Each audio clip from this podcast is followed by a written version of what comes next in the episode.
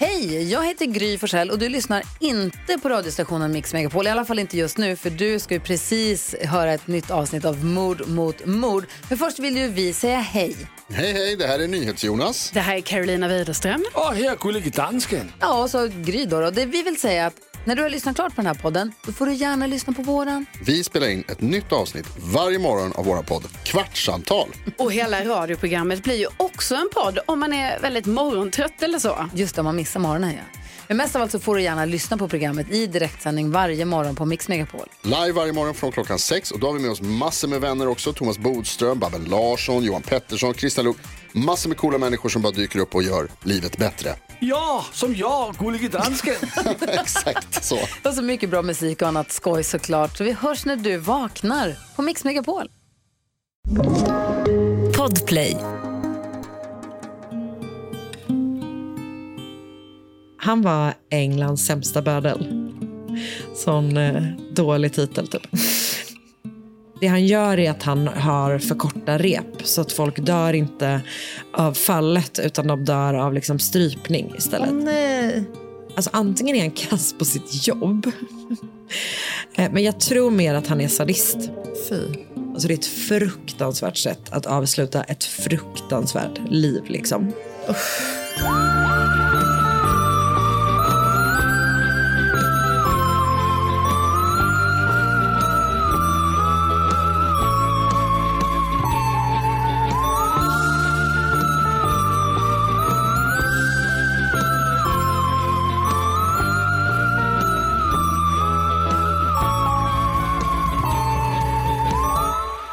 hälsar vi hjärtligt eh, välkomna till eh, veckans avsnitt av Mord mot mord med Karin Landré och Anna Sandell. Men det gör vi verkligen. Hej och välkomna allihopa. Vad roligt att ni är med oss även denna vecka.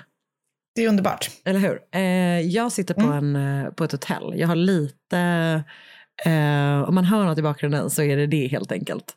Ehm, och eh, du... Klassiskt hotellljud. Ja, verkligen. Exakt. Ett klassiskt hotellljud. Om man hör någon prata i bakgrunden så vet man eh, vad det är helt enkelt.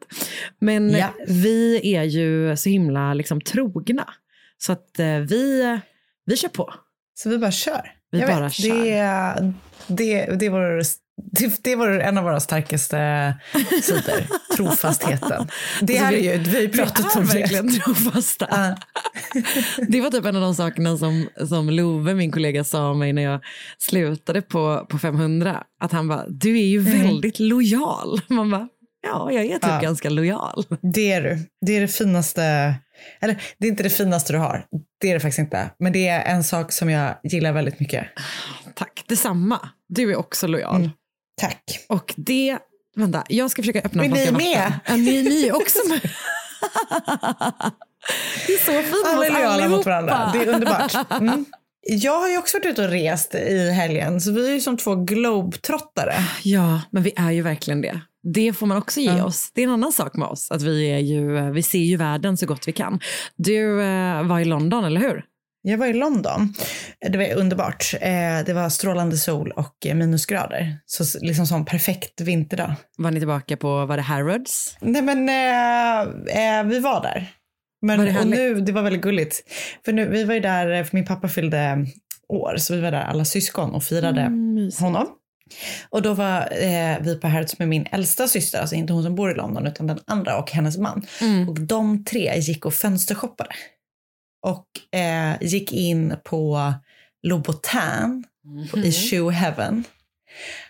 Och alltså Oskar ropade på mig helt stressad. Bara, Anna, för jag, jag eh, var jättetrött. Jag orkade typ inte göra någonting. Jag så satt på olika bänkar du vet. Och typ Ja, stånkade och hade mig. Ja. Ja.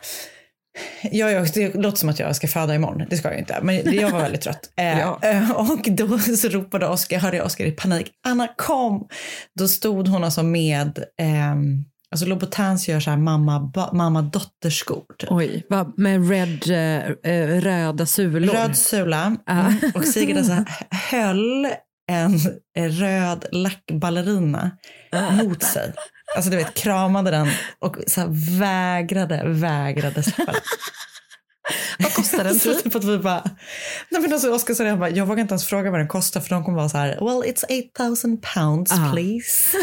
eh, jag tror kanske att de kostar typ så här 600 pund kanske, Ah. jag har ingen aning, nu gissar jag. Mindre kanske för barnskorna, jag vet inte. Men då lockade det mig att vi skulle köpa ett par på H&M istället. Och det, det gick hon ändå med på. Ja, ja, hon har inte sån smaken. Hon är inte så, nej exakt. Men nästa gång vi åker tillbaka tror jag att vi håller oss borta bara. Ja. Det verkar inte vara vår, vår plats. Men det verkar ju vara Sigrids plats. Det är ju det. Alltså hon vill ju aldrig gå därifrån. Hon är ju, har ju redan skaffat smak, om man säger. Hon är sån, hon är sån lyx, eh, lyxdom. Ah, gud vad härligt. Ja, Gud, vad men härligt. apropå globetrotting. Ja. Vi ska ju globetrotta ner här om en vecka ungefär. Är det bara en vecka kvar? Det är det Ja, verkligen. helt sjukt. Ah, vi ska till Lund! Mm. Skåne. Ah, äntligen. We're coming for you. Vi ska till Lund och eh, det är den 9 februari som vi kommer och eh, har livepodd på st- eh, Stadsbiblioteket i Lund. Så himla himla härligt. Det ska bli så mysigt. Aj, Det ska bli så mysigt. Jag längtar så jävla mycket. Och det är ju eh, Lunds, det är biblioteket som har bjudit in oss. Det känns ju otroligt ändå. Det känns jättehäftigt. Vi måste vara så litterära. Vi måste vara Ja. det. Ja, absolut. Ehm, så att de har bjudit in oss och det gör ju att det faktiskt är en gratis livepodd. Uh, så det gäller bara att dyka upp i tid. Är det inte så att vi börjar vid 18? Jo, stämmer. Så bara kom i tid. Eh, det är för liksom först till kvarn. Eh, hoppa in och kom och lyssna på det här fast live då helt enkelt. Det ska bli så mysigt. Det kommer bli helt eh, Jag, underbart. jag har redan börjat tänka så här, vad jag skulle kunna berätta om gatorna i Lund som man har vandrat på. Snälla, Det- du har det så mycket. kommer- Du kanske ska spara eller? det som, ja, men jag kom, nej, men för det jag kom på som jag liksom kände så här, ja, men det här är ändå liksom väldigt lokalt för det är på samma gata. Då. Ah, ah, ah. Eh, insåg jag sen kanske inte var så spännande. Men, vill du, Men det du, låg ett ställe där man kunde göra jättegoda mackor. Aha, va- Var är det? Okej, okej jag berättar. Det låg Ja, ett ställe det som det. gjorde jättegoda mackor. Videbergare. Gud, Alla- jag trodde att du skulle vara så här. För min dröm är ju att få en rundtur i Lund till, alltså till ditt Lund. Där du ska visa så här. Här hånglar jag med den här personen och här händer det Det här och det här. Alltså det är ju min Det finns dröm. många sådana platser. Mm, Men det det jag, in, det jag vill vara tydlig med då är att det jag är ute efter när jag får den turen är inte här gjorde de jättegoda mackor. Om, Ha, Om, om, stället, om stället hade legat kvar så hade du kanske velat berätta kunnat- det. För då hade jag kanske köpt den. äta en jättegod macka. Ja, så det har du helt rätt. Men de har stängt, så det ligger inte kvar. Okej. Men jag tänker också att du ska få, för jag tycker det är väldigt mysigt att få Oscars sån Lund, Oh. eftersom vi har så himla olika Lund. Eftersom han Just liksom var ett barn där och jag var liksom en eh, typ konstant eh, småberusad student. Alltså små berusar at the best, eller? Exakt. exakt. Så det är väldigt gulligt. Och, och Oscar, det känns här som att Oscar hade typ en uppväxt som min pappa, som liksom var barn på Ah. 40-talet. Om vad jag menar. Han bara, här brukade jag och Stefan köpa karameller. Och så är det liksom rakt av en affär från 1700-talet. Han köpte verkligen, Ja, det alltså, Det han har en karamelluppväxt. väldigt gulligt ju. Åh, gud vad härligt. Eh, det ska bli så mysigt. Jag vill ha en kombinerat tår, det vill jag vara tydlig med. Ja, jag vet inte om Oscar vill hänga med på den tåren som du vill få av mig. För att han kommer bli galen av svartsjuka. Galen. Galen. Okej, men jag får byta av Jag er helt enkelt. Först Ja. får jag liksom Oscars karamelltur och sen får jag din. Den, in, den liksom Lund juicy. after dark. Exakt. Men också hoppas vi ju att, eh, vi, vi, att vi träffar alla er på Stadsbiblioteket. För det ser vi verkligen, verkligen fram emot. Det kommer bli skitkul. kul. det var, jag, Det länk, bli jag längtar Skriv upp det. Skriv upp det 9, verkligen. 9 januari, februari. Bra. Just det, det december. Det har redan passerat. Nionde- 9 februari. 9 januari 2027. Då ses vi. Gud, tråkigt jag skulle rätta dig. Ehm, precis, vi ses där. Vi ses där. Men du, har du Ja. något, eh, innan vi sätter igång, har du någonting, eh, något tips eller så? Eh, nej, I've been busy eh, out exploring the world så att säga. Ja. ja. Du då?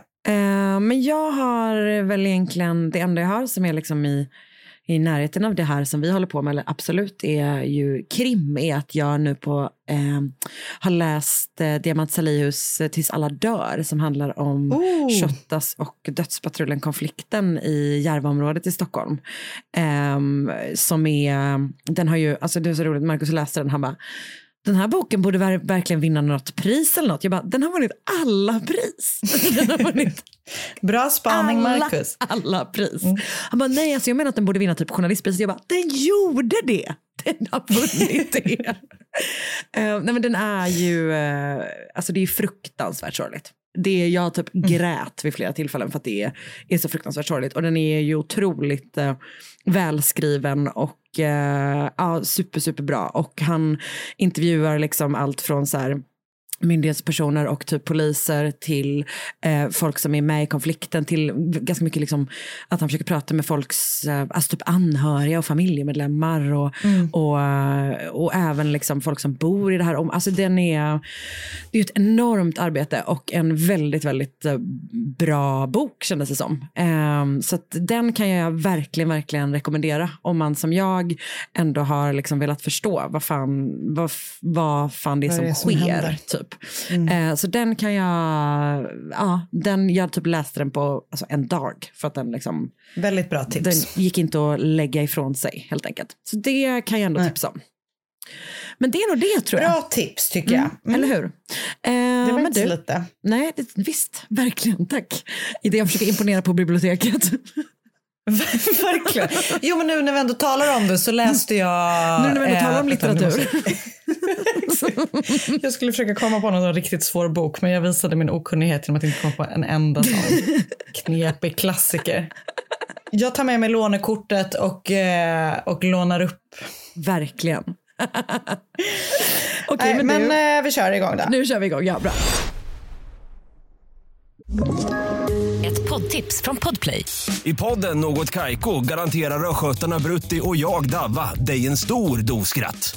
Där följer jag pladask för köttätandet igen. Man är lite som en jävla vampyr. Man har fått lite blodsmak och då måste man ha mer. Udda spaningar, fängslande anekdoter och en och annan arg rant.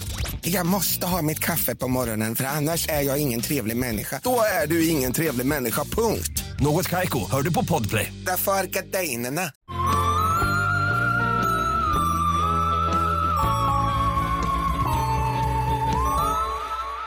Mary Ann Robson föddes den 31 oktober 1832 i Durham i nordöstra England.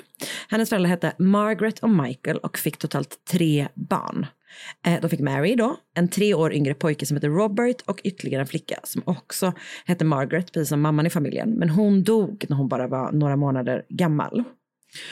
Och Michael, eh, pappan, han försörjde familjen genom att arbeta i kolgruvor. Eh, och det gjorde, alltså det är ju ett fruktansvärt tufft liv kan man ju liksom konstatera. Jag minns att vi, när jag var liten så reste vi, ju, reste vi väldigt mycket i just England. Eh, och att vi var liksom nere i typ i en kolgruva och att jag, jag minns så himla tydligt hur att det liksom var mindblowing att folk typ tillbringade hela sina liv där nere. Alltså de, det var ja, fruktansvärt helt enkelt. Ja, verkligen. Och de här familjerna då som hade fäder som jobbade just i kolgruvor, de flyttade ju runt väldigt mycket för att de följde liksom var kontrakten fanns helt enkelt. Mm. Så att man flyttade liksom dit det fanns jobb och det gjorde att man typ kanske bodde, kanske ett år hade pappan då kontrakt på ett ställe och sen flyttade man vidare någon annanstans typ.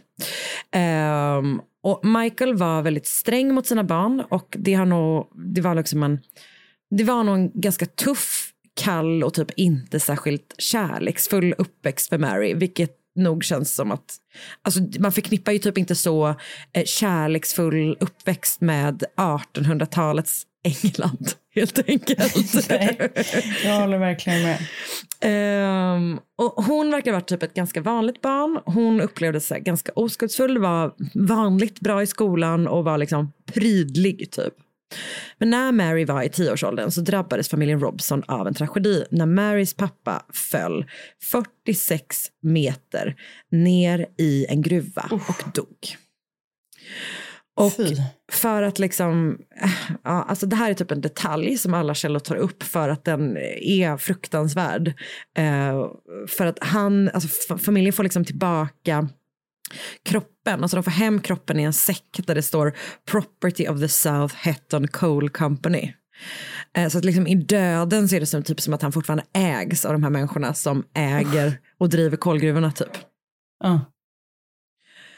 Det var inte det enda som ägdes av gruvbolaget för att familjen bodde också i ett hus för gruvarbetare. Så när Michael dog så blev de delvis, alltså de blev både av med sin försörjning men också sin bostad. Alltså de blev liksom utkastade.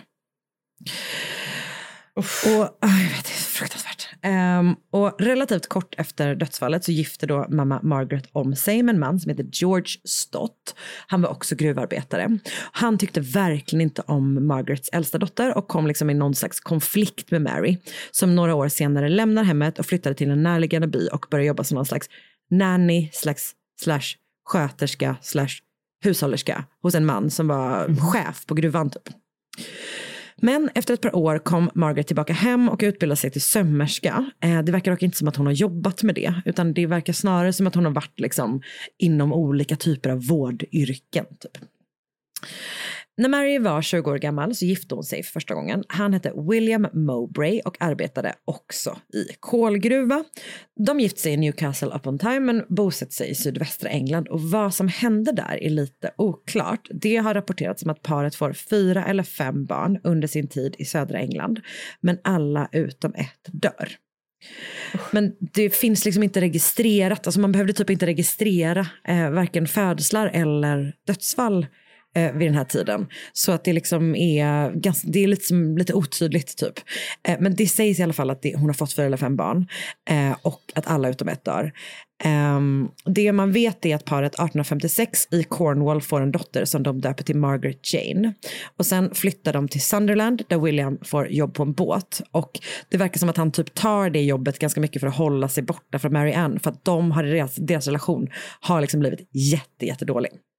Trots det så Okej. får de fler barn tillsammans. 1858 så får de en flicka som döps till Isabella.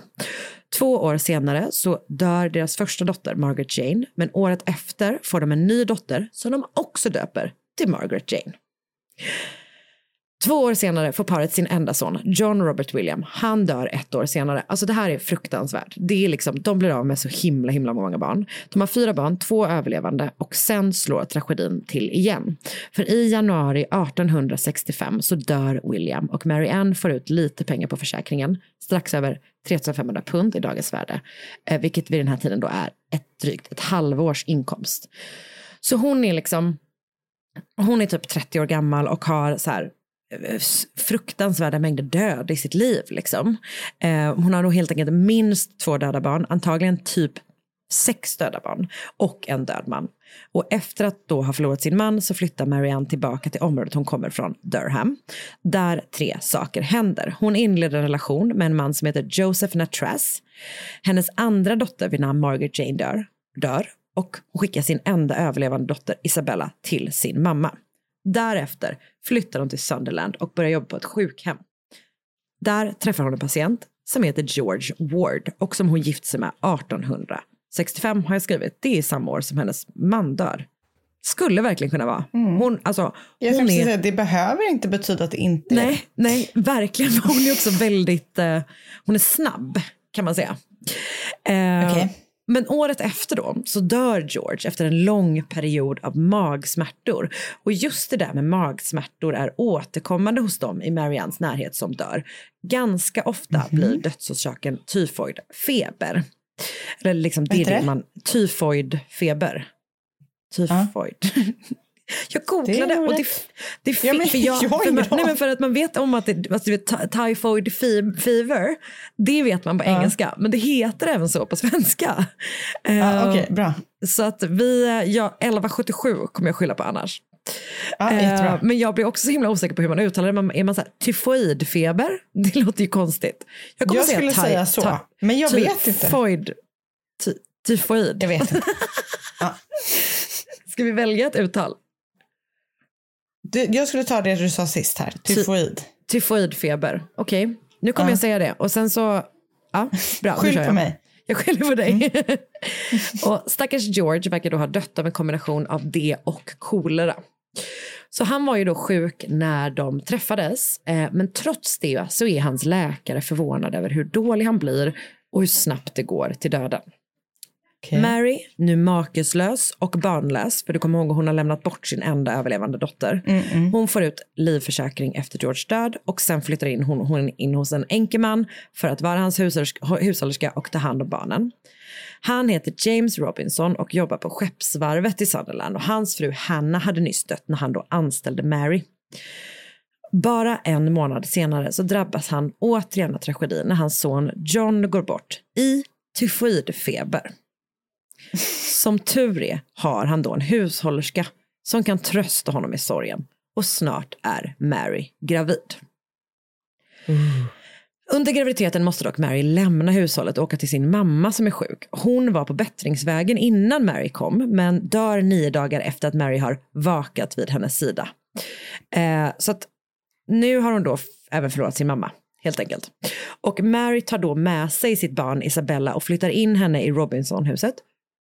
Kort efter att hon har kommit dit dör hon i svåra magsmärtor efter tyfoidfeber. Alltså dottern. Dottern Isabella, hon som har varit liksom den enda överlevande.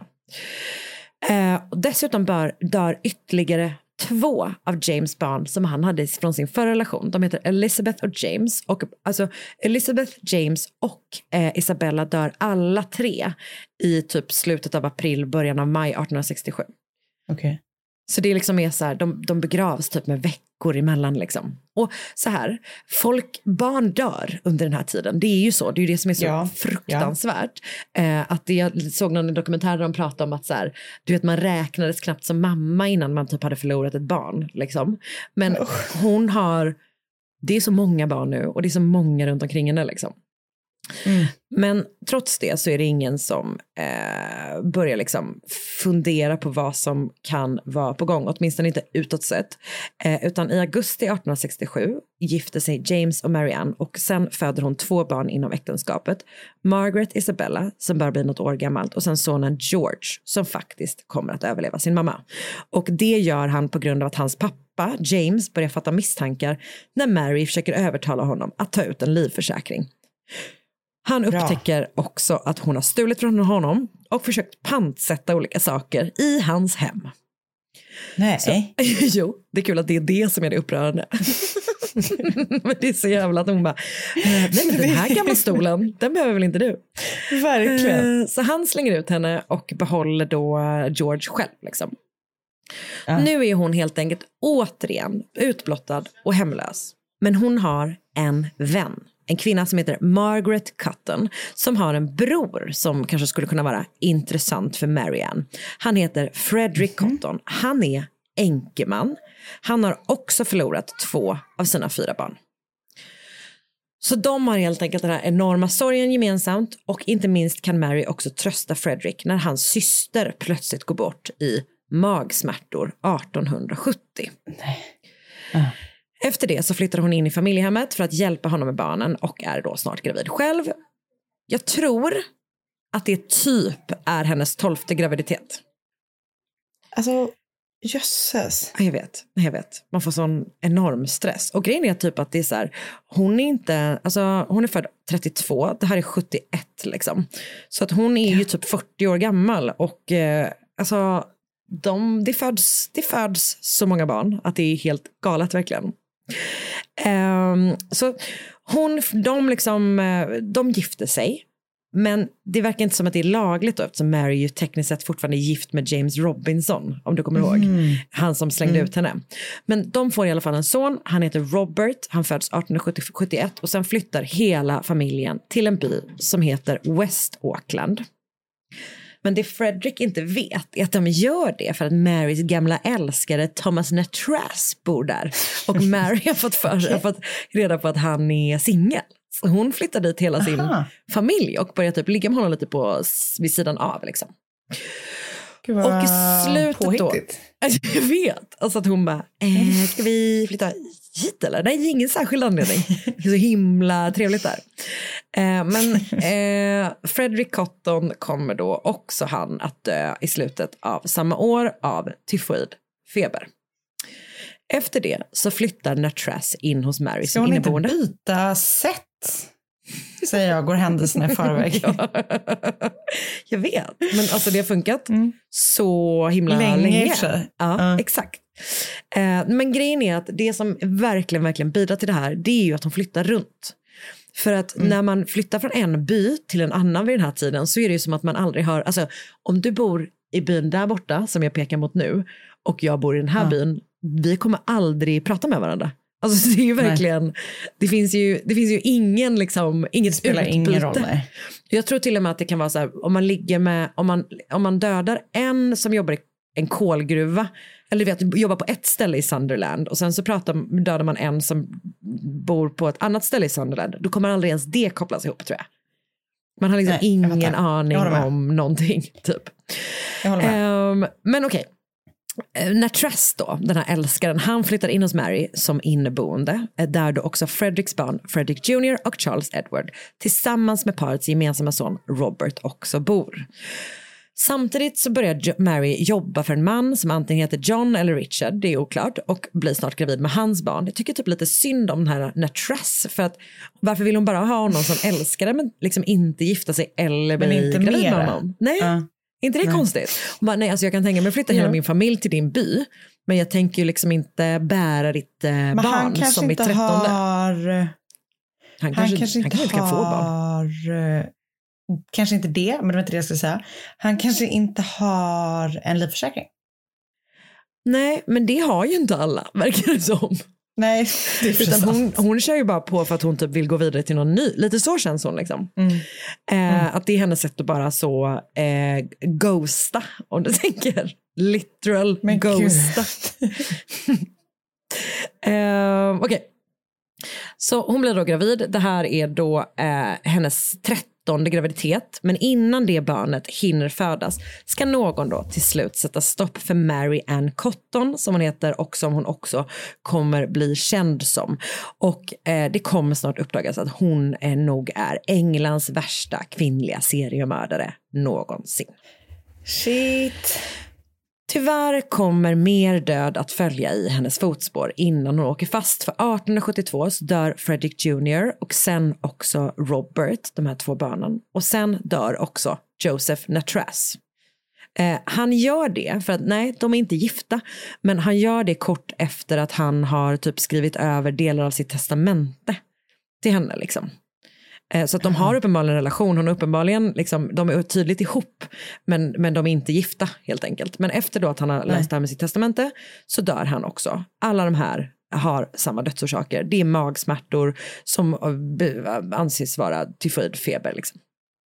Men efter det här då har Mary det riktigt tajt med pengar. Ehm, jag vet inte varför, men hon verkar inte ha kvar det här jobbet som sköterska åt den här John eller Richard som hon har blivit gravid med. Och hennes inneboende då, som ju var ett annat sätt som hon dryger ut kassan, han har ju tyvärr just dött. Det har hon inte liksom riktigt tänkt på.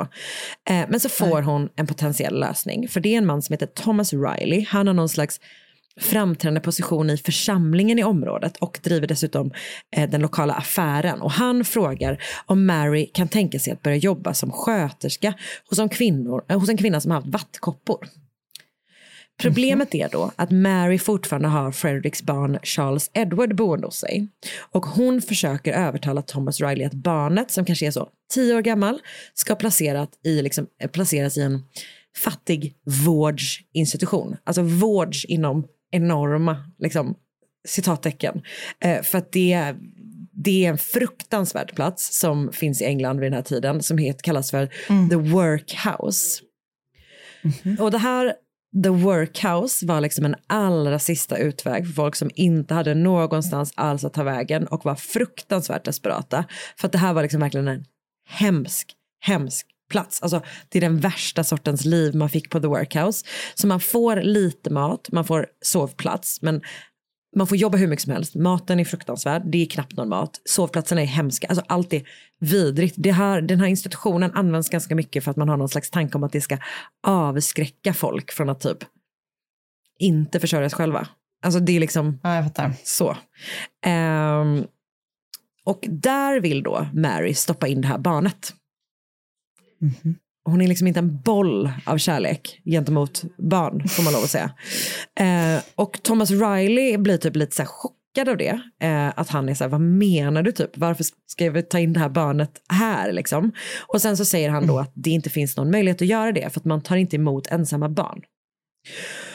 Och Mary tycker då att det här barnet är i vägen för henne att både typ kanske ta in en ny som kan bo i hans rum men också få det här jobbet. Så hon säger då till Thomas Riley I won't be troubled long. He'll go like all the rest of the cottons.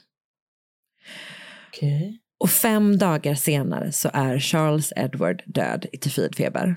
Men Thomas Riley var då äntligen misstänksam. Eller alltså inte äntligen som att han borde varit det tidigare utan äntligen är det någon som är misstänksam och bestämmer sig för att göra någonting åt det.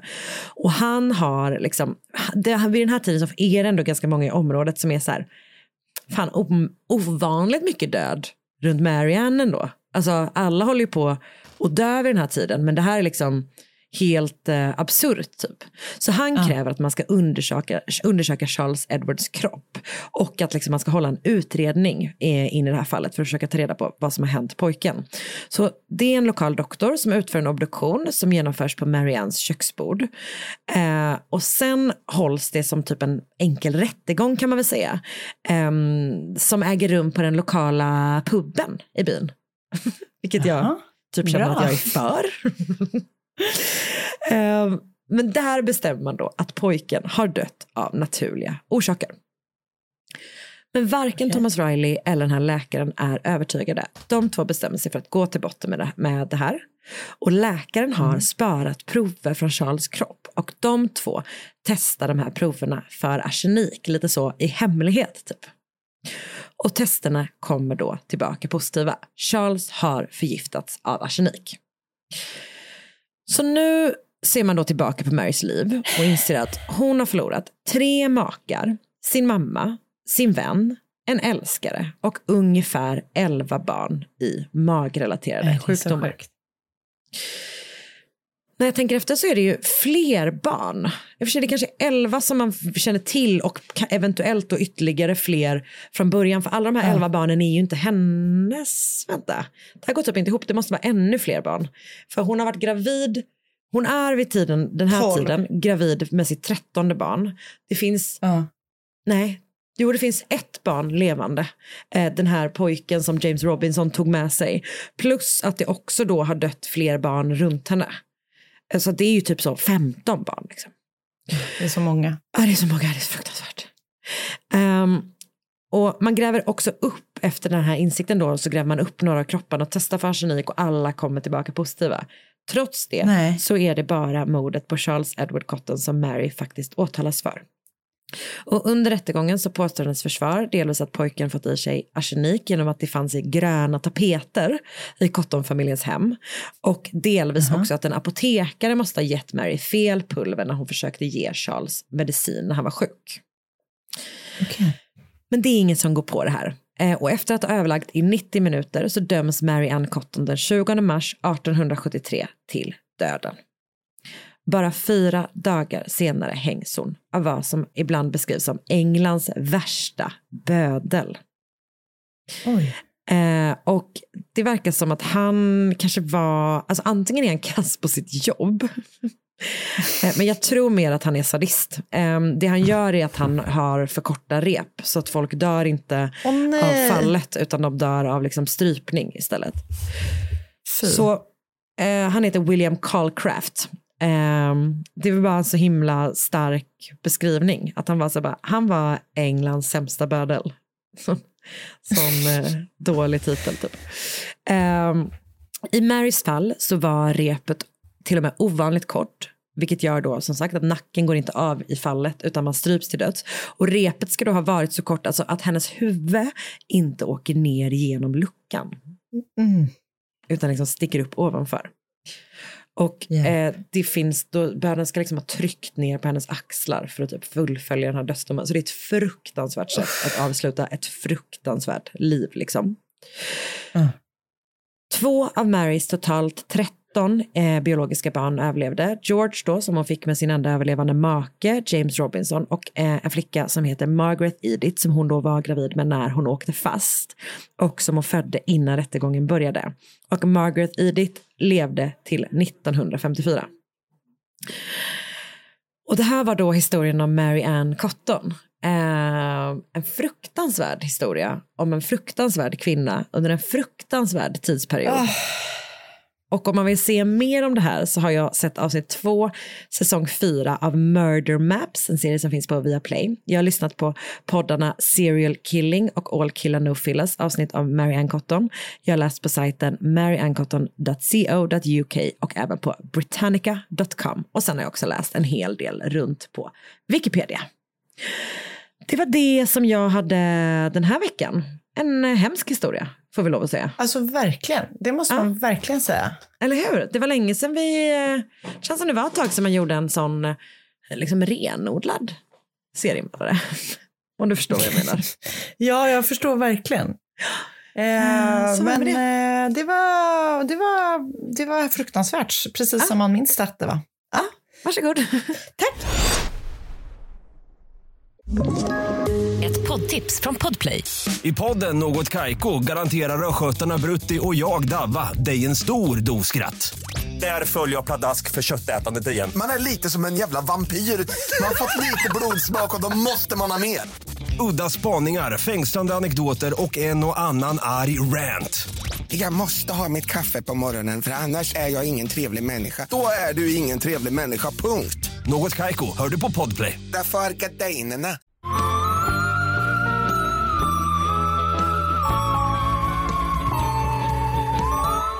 Jag fortsätter på ett eh, väldigt fruktansvärt eh, spår. Jag med då. Perfekt. Lynette Quast och Thomas Kraft föddes båda två i Whitewater i Wisconsin. De lärde känna varandra på förskolan Mm. och blev vänner. Och sen så liksom var det en done deal. De följde varandra liksom hela livet. Oj. Thomas, även kallad Tom, eh, och Lynette blev då först vänner på förskolan.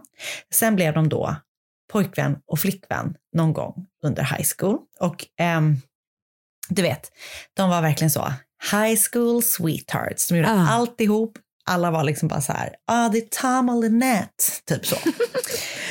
Typ att de kallar Eh, dem för så. tänker jag. De kallar dem för så. Tomette. Ja, till, till exempel. Eller, eller, eh, Svårt med Tom. nej det går inte att toppa den. Det går inte Nej. att toppa den. Lin Tom.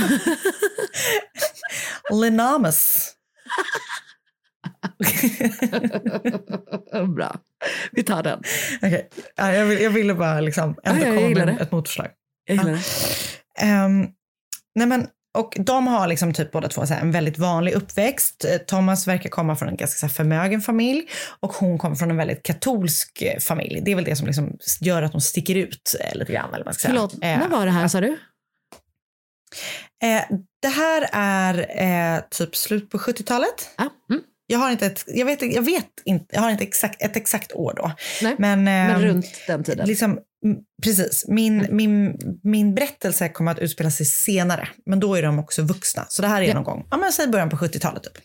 Eh, och de har då liksom en sån, sagt, high school sweetheart-relation och de är då jätte, jätte tajta. De, vet, de ses hela tiden, de bor i en liten stad, de eh, går i samma klass, de gör allt, allt, allt tillsammans. Och det var först när de då skulle plugga vidare på college som de då eh, börjar vara ifrån varandra lite grann. Och de bor ändå i samma stad, men de går då ut olika utbildningar. Han pluggar någon slags mechanical engineering och hon har alltid velat bli sjuksköterska. Så att de, du vet, ja, de, det är första gången de gör någonting utan den andra så att säga. Kanske bra. Eh, jag tycker det låter så hälsosamt. Eh, om jag får säga. men, men eh, de tycker liksom att det är lite tufft, du vet, så här, inte bara med att man har mycket mera plugg på universitetet än vad man typ har i, i gymnasiet. Hate to break it to you, alla gymnasieelever. Ehm, Men, men man är också mycket friare i och för sig. Så att eh, pros and cons, pros and cons. Och eh, de har då vet, nya kompisar och sådär. Så att de, de håller ihop starkt. Men är ändå då ja, ifrån varandra helt enkelt lite grann. Det som händer då när de pluggar är att Linette inser ganska snabbt när hon har börjat på sjuksköterskelinjen att hon har ett problem. Hon klarar inte av blod. Aj då. Ja. Hon blir typ helt svimmig av att se det. Hon blir typ helt svimmig av att ens tänka på blodvite. Så tyvärr tvingas då Linette inse att hon inte kan fortsätta med sin utbildning. Och det är ju såklart skittufft liksom. Hon verkar struggla lite med vad hon ska göra istället. Men när Tom då istället blir färdig med sin utbildning så blir han erbjuden ett jättebra liksom, jobb i Swanton i Ohio. Och eh, han tackar ja och säger så här, men varför hänger du inte med? Jag, eh, kan, jag har det här jobbet nu, eh, jag har pengar sen innan kanske han säger. Ehm, Jag har och, köpt nya eh, plåster, du kommer aldrig behöva se en enda droppe. Exakt. Don't you worry. Nej men han är bara så här, typ, jag tar hand om dig, häng med mig. Jag vill liksom fortsätta leva mitt liv med dig. Så snälla häng med mig till Swanton. Eh, och eftersom hon då kommer från en väldigt så starkt katolsk familj så behöver de i alla fall gifta sig innan de liksom genomför den här flytten. Så när de är 21 år gamla så gifter de sig med varandra. Eh, och efter de har gift sig så flyttar de då till Swanton och hon hittar liksom ingenting nytt som hon vill göra utan hon då blir en så kallad homemaker. Vilket hon eh, verkar vara liksom nöjd och glad med. För att du vet, hon kommer också från ett hem där hennes mamma har tagit hand om hemmet och barnen och hon är liksom glad över att ta hand om deras första gemensamma hem. Alltså hon är ju fortfarande jätteung när de flyttar och du vet, de planerar för att de ska skaffa barn och alla sådana saker. Så att liksom all in all good i Swanton. Han börjar då arbeta och han ser till att Lynette varje månad får som typ en månadspeng som hon kan spendera på olika saker. Vilket känns lite smått så här panikartat kan jag tycka. Eh, Ja. för min egen skull då, att man är så beroende av sin partner. Ja. Hon har ingen egen inkomst. Ingen, hon har ingen egen inkomst. Utan han då ger henne en summa pengar varje månad. Sexigt.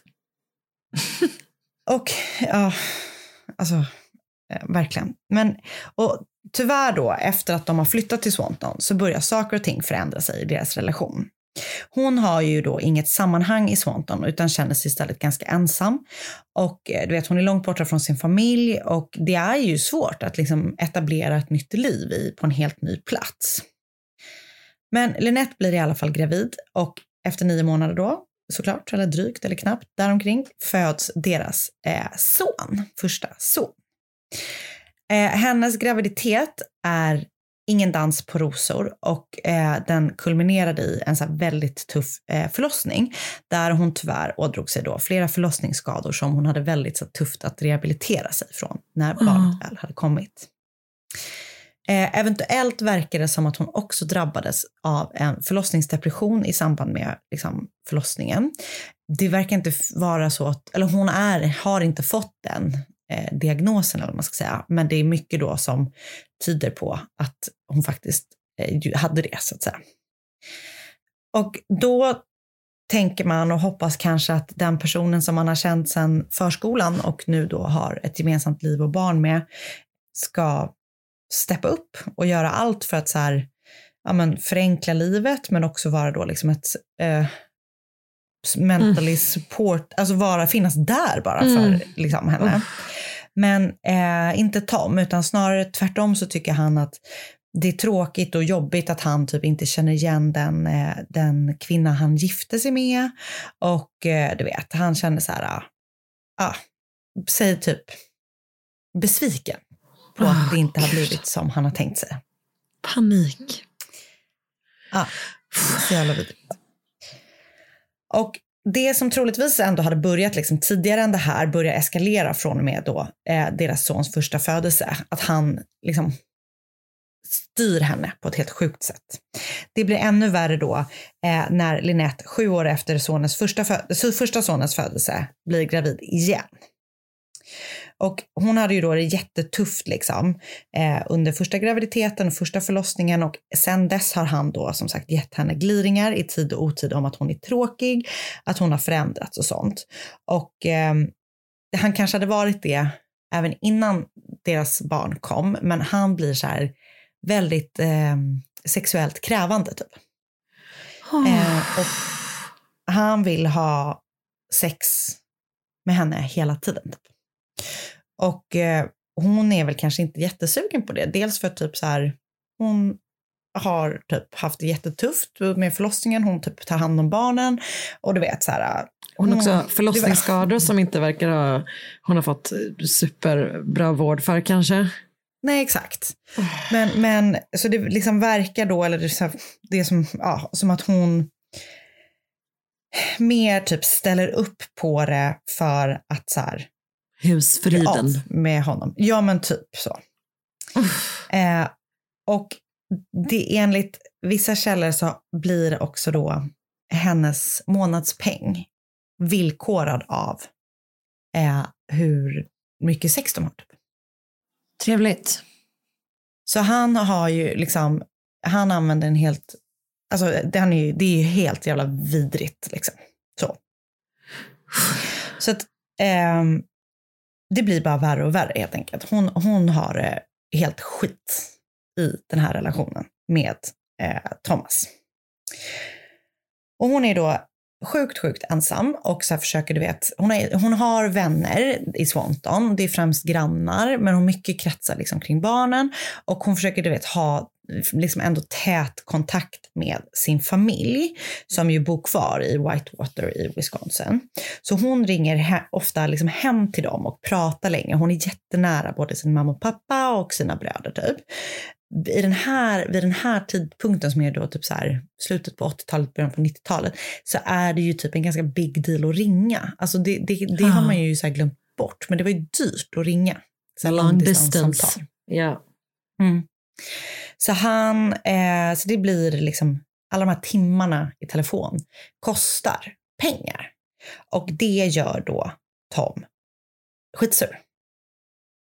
Han ser då att de har jättehöga telefonräkningar på grund av att då hon sitter hemma och pratar i telefon, som han ser det. Så han bestämmer sig typ för att spärra den här funktionen. Att hon kan inte ringa eh, ut sådana här långdistanssamtal. Eh, så hon eh, fick istället börja göra du vet, sådana mottagaren betalar samtal till sin familj. Det är så förnedrande. Alltså det. Nej, Oh, så fan. att fatta oron för hennes föräldrar Ah. och familj och allting. Åh, vad hemskt. Och inte nog med det, utan när hon då sen väl pratade med sin familj så eh, tjuvlyssnade han ofta på samtalen. Brukade du göra det, att du liksom lyfte på telefonen och lyssnade på? Så jag tror typ inte jag vågade det, men jag hade nog gärna gjort det. Gjorde du det? Så ofta. Men det var mest för att se typ hur länge man kunde lyssna utan att bli påkommen. Alltså det var Just ju det. inte för att jag så här, lyssnade jätteintresserat på vad som sades, utan det var mer typ så här, Som hur en, ja, tyst kan jag andas, hur länge? Bra. Ehm, nej men det är ju så här helt jävla vidrigt beteende. Och man kan ju liksom, hon blir mer och mer isolerad och han verkligen liksom gör allt han kan för att isolera henne uppenbarligen. Liksom.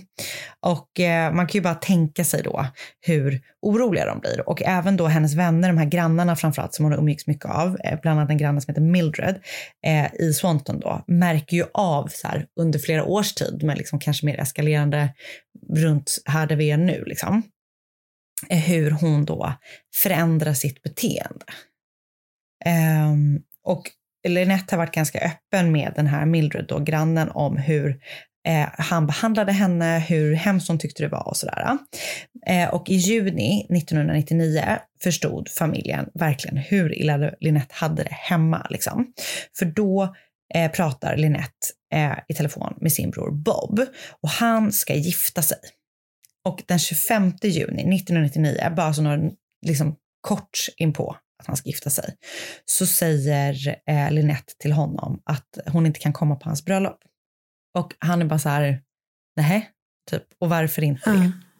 Och då berättar hon då att Tom inte vill att hon ska eh, åka han, hon får inte tillbringa eh, tid med liksom, sin familj. Han vill inte det.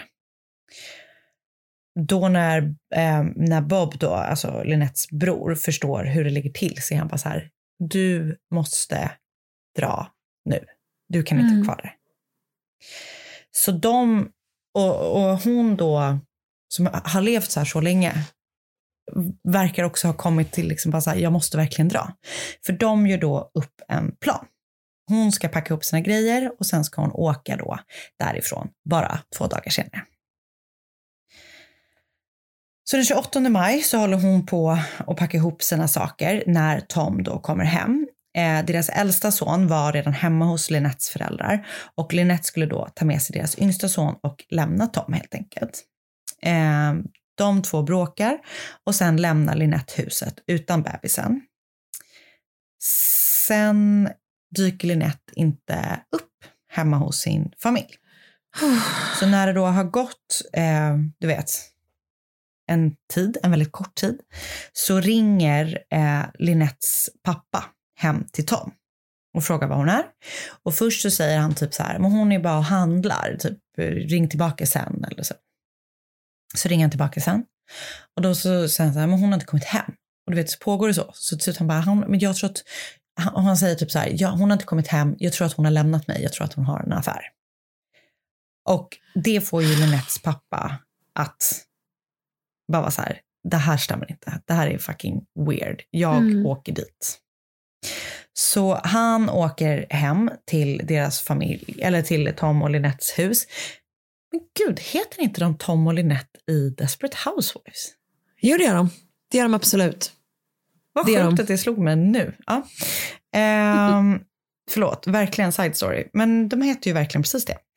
Ehm, så så eh, Linettes pappa åker då hem till deras hus och där så är det bara så här, hon är inte där och han vet ju att hon inte har en affär. Hon är typ djupt eh, troende. Hon skulle inte göra en sån sak. Alltså du vet så här, eh, hon, han vet ju att de, hon är på väg hem till dem. Alltså du vet så.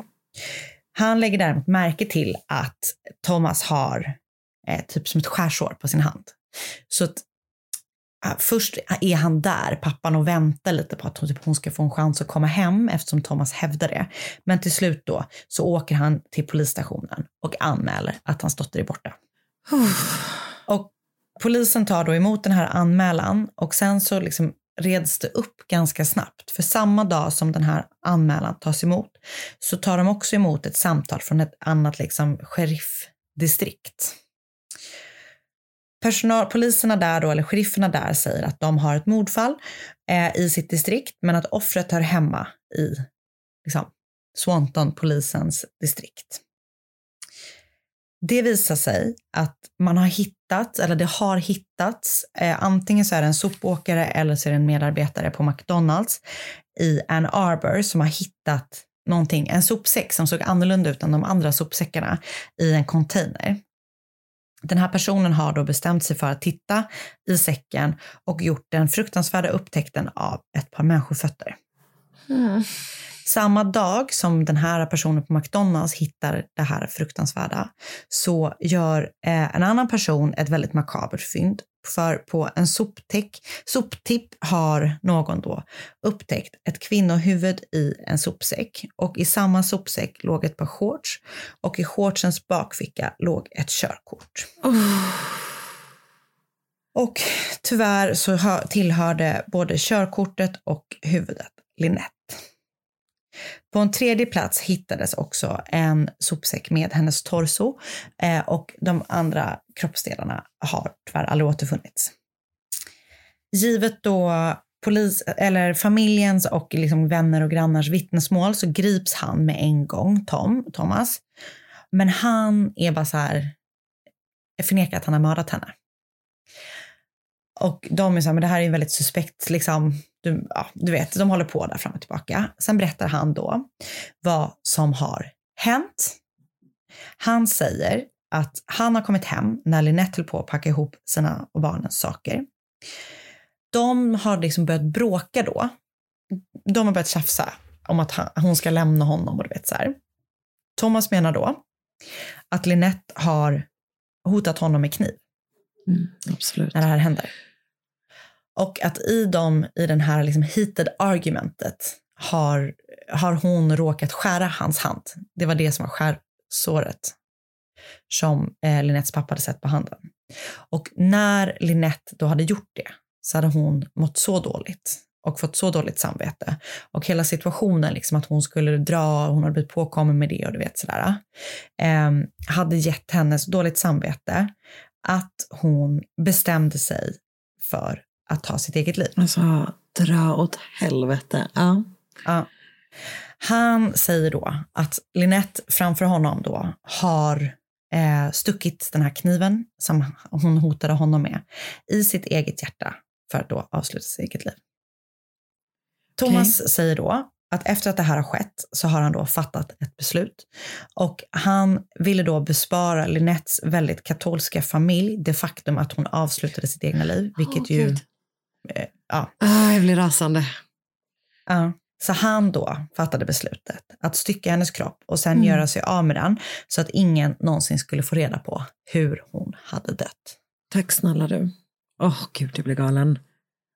Nej men alltså, Vad snällt Det- mot alltså- hennes familj, hörru.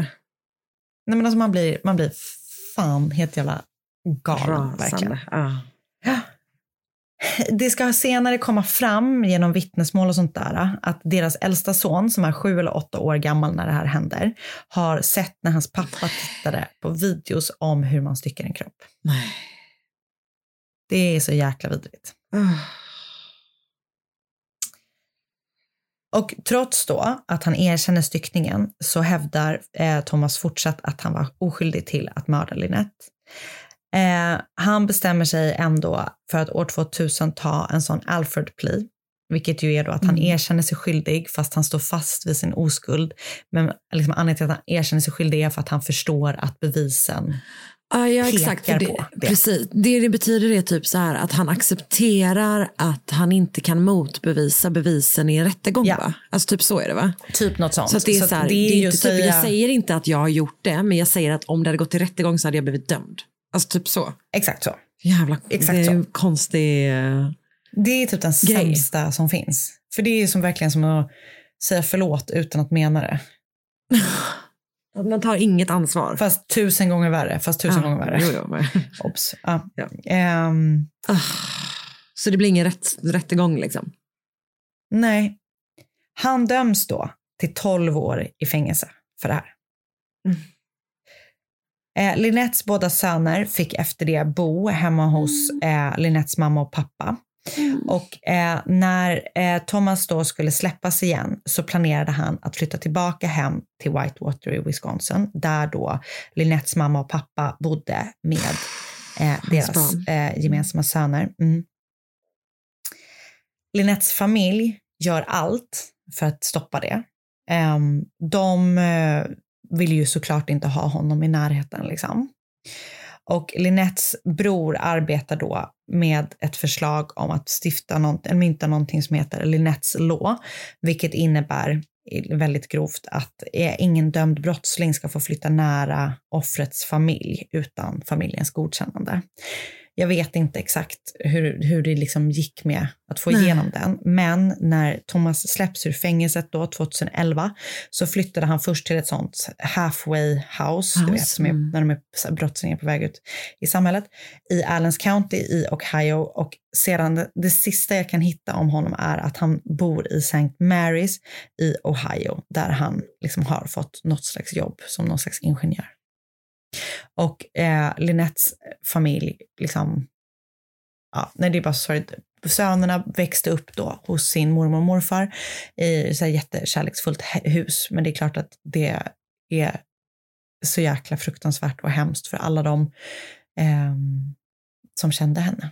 Att någon som hon har känt hela sitt liv, som var i hennes absoluta närvar liksom närhet, eh, kunde göra en sån här fruktansvärd, vidrig sak. Åh, fan vad sorgligt. Så himla hemskt.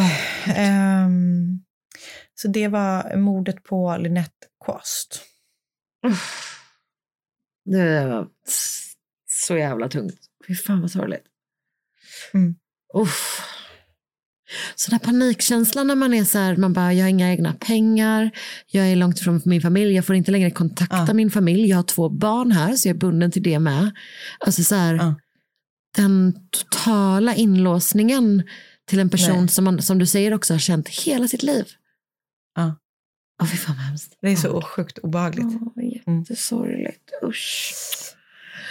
Ehm, och jag har läst Lynette Quast, Tom Craft, Dismembered Mother's Head Found, Body Parts in McDonald's Dump Åh, on, ehm, eh, på Inquisitor, skriven av Tracy Reyes. Eh, Lynette Craft Murder, Who Killed Her and Where is Thomas Craft Now?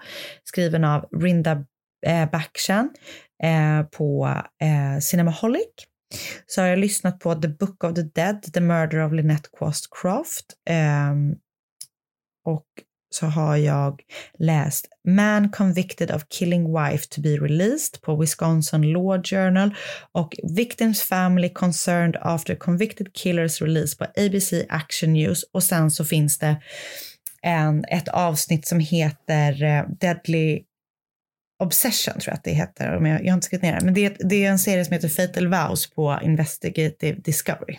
Ah. Uff. Ah, Det var fruktansvärt sorgligt. så sjukt sorgligt. Mm, tack till er som har varit med oss på den här super, super oh, tunga jävla resan den här veckan. Ehm, Vi hörs igen nästa vecka och ta hand om er tills dess. Och vi hörs då. Hej då. Podplay. Ett poddtips från Podplay. I fallen jag aldrig glömmer djupdyker Hasse Aro i arbetet bakom några av Sveriges mest uppseendeväckande brottsutredningar. Går vi in med hemlig telefonavlyssning och, och då upplever vi att vi får en total förändring av hans beteende. Vad är det som händer nu? Vem är det som läcker? Och så säger han att jag är kriminell, jag har varit kriminell i hela mitt liv men att mörda ett barn, där går min gräns. Nya säsongen av Fallen jag aldrig glömmer på Podplay.